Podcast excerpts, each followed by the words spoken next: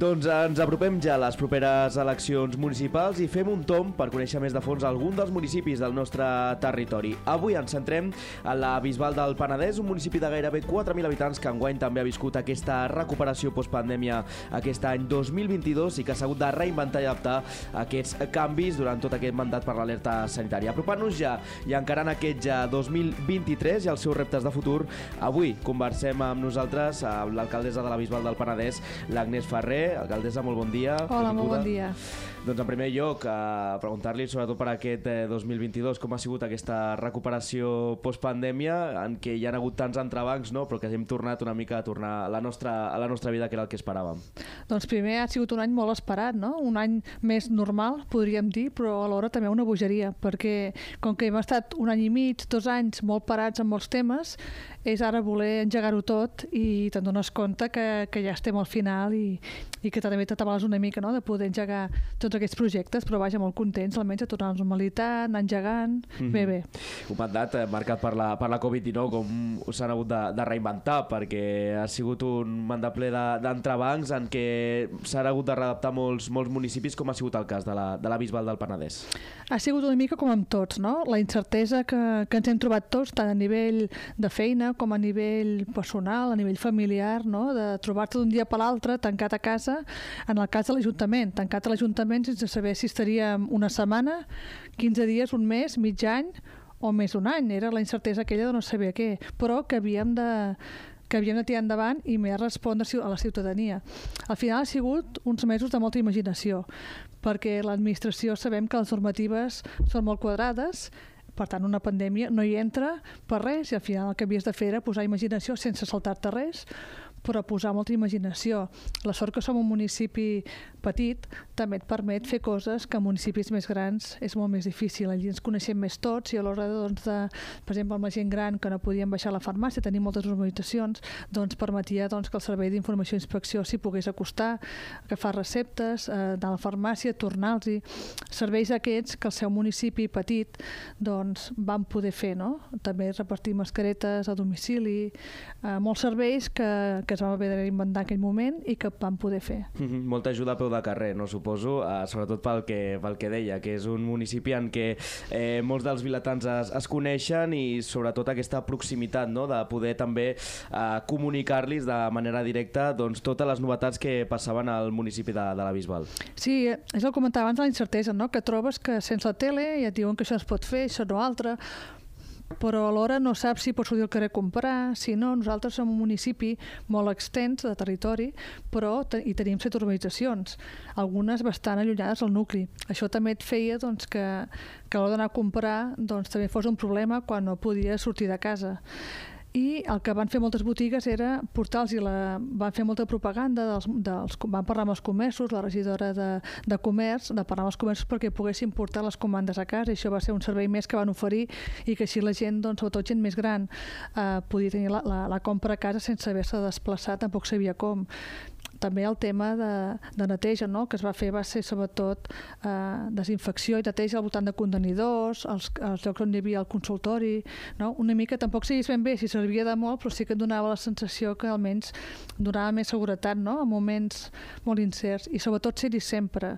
a través de xarxes socials, a través de la pàgina web, doncs el que fèiem, hi va, hi va haver, per exemple, un servei que ja teníem abans, que és el servei Bon Dia, que és un servei doncs, que les persones de més de 65 anys que viuen soles o en parella però soles, eh, hi ha un grup de voluntaris i voluntaris que els truquen cada dia al matí per donar-los el bon dia. Llavors, clar, els voluntaris que venen a l'Ajuntament van prendre, ho van fer des de casa, trucant amb els seus telèfons, i això va ser un servei d'acompanyament molt important sobretot per aquelles setmanes. Mm -hmm, aquestes són històries molt boniques que té sí. aquesta particularitat de, dels municipis com la Bisbal del Penedès.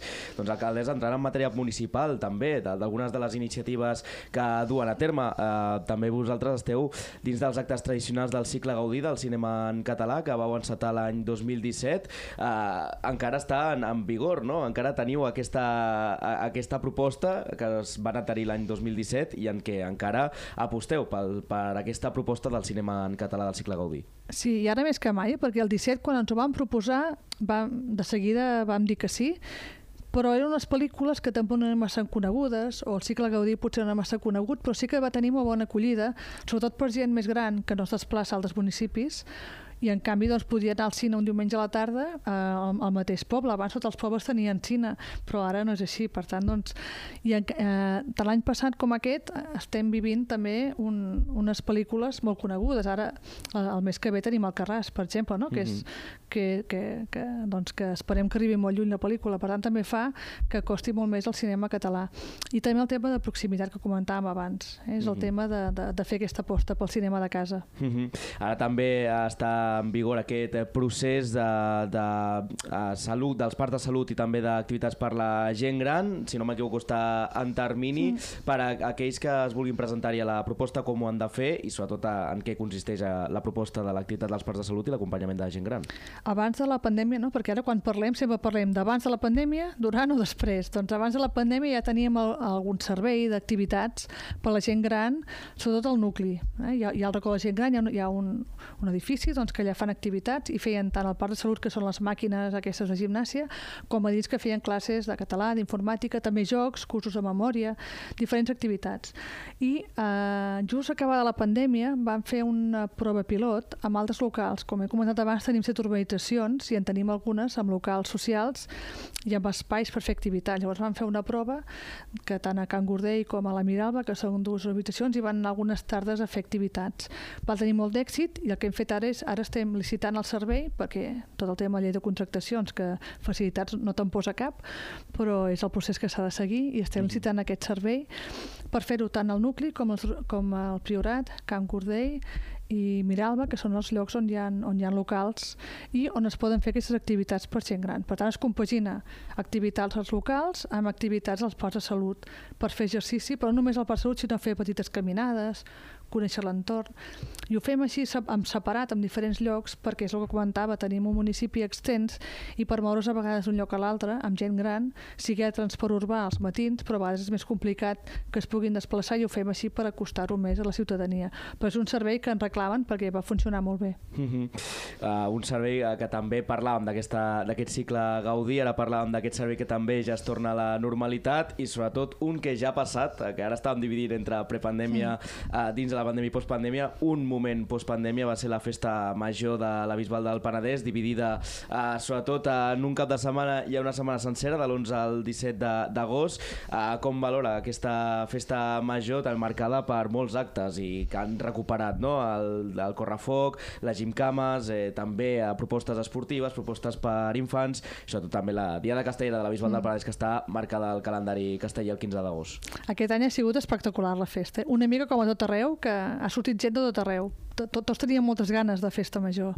Igualment, a la Bisbal mai n'hem deixat de fer. L'any 2020 vam fer una festa major mmm, amb cita prèvia, la gent s'apuntaven de la Bisbal, vull dir, vam fer concerts i espectacles sentats, però vam fer, vull dir que hem estat dos anys, el 20 i el 21, fent festa major, diferent, adaptada, però no l'hem deixat de fer. La Diada Castellera, no? Per suposat, sempre dèiem, amb la colla castellera de la Bisbal, dèiem, al moment que es puguin fer castells, vol dir que la pandèmia s'ha acabat perquè hi ha molt de contacte. Vull dir, un correfoc al final estàs a una distància, però el castell és, és de contacte. Per tant, vam dir, quan es puguin fer castells vol dir que la pandèmia ja està. Hi havia moltes ganes d'aquesta diada castellera. Dels altres actes també, però com que més o menys s'havien fet en un altre format, però, ostres, poder fer això, a, la diada castellera, la gent cama, que organitza els joves dels esventats, activitats al carrer sense estar patint de si has d'estar sentat, la mascareta, home, és, és, és, és tornar a la normalitat ja a majúscules. Mm -hmm.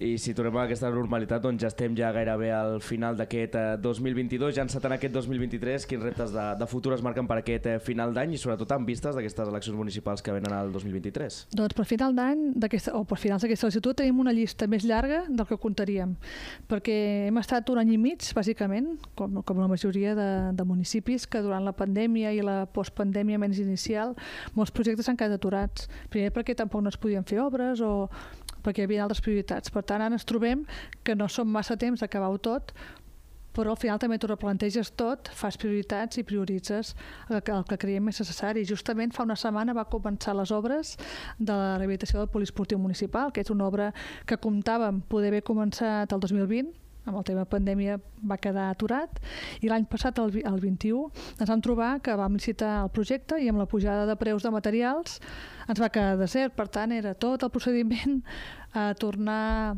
vam, vam contractar el que és actualitzar preus i tornar a licitar. Ara ja hem començat, però també era una obra que fa un any hagués pogut començar. Per tant, ens anem al final d'una obra que comptàvem que ja, que ja estaria acabada.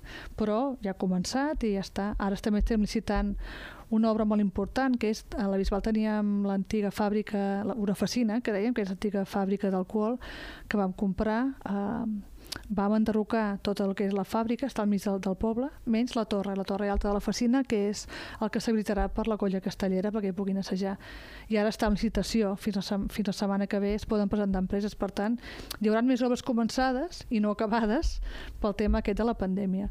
Però sí que també al final, amb la pandèmia pel mig aprens potser prioritzar segons quins serveis, per exemple, el tema de la gent gran ha passat al davant potser d'altres pel tema aquest de, de, no? de cuidar la gent gran o de poder-los oferir activitats després d'estar aquest temps més tancats i ells també estan més espantats. Per tant, al final és prioritzar, saber que no podràs fer tot, però uh, poder tirar endavant el que puguis. Mm -hmm. Doncs amb aquests reptes, doncs, uh, que amb aquesta entrevista hem pogut fer aquesta radiografia de la Bisbal del Penedès, Agnès Ferrer, alcaldessa de la Bisbal del Penedès. Moltíssimes gràcies per atendre els nostres micròfons i sobretot molta sort aquest eh, final d'any i aquesta cursa que ve aquest 2023 uh, amb molts reptes, uh, aquesta recuperació post-pandèmia que nosaltres ja ens alegrem de poder tornar a fer vida normal als carrers. Doncs gràcies a vosaltres.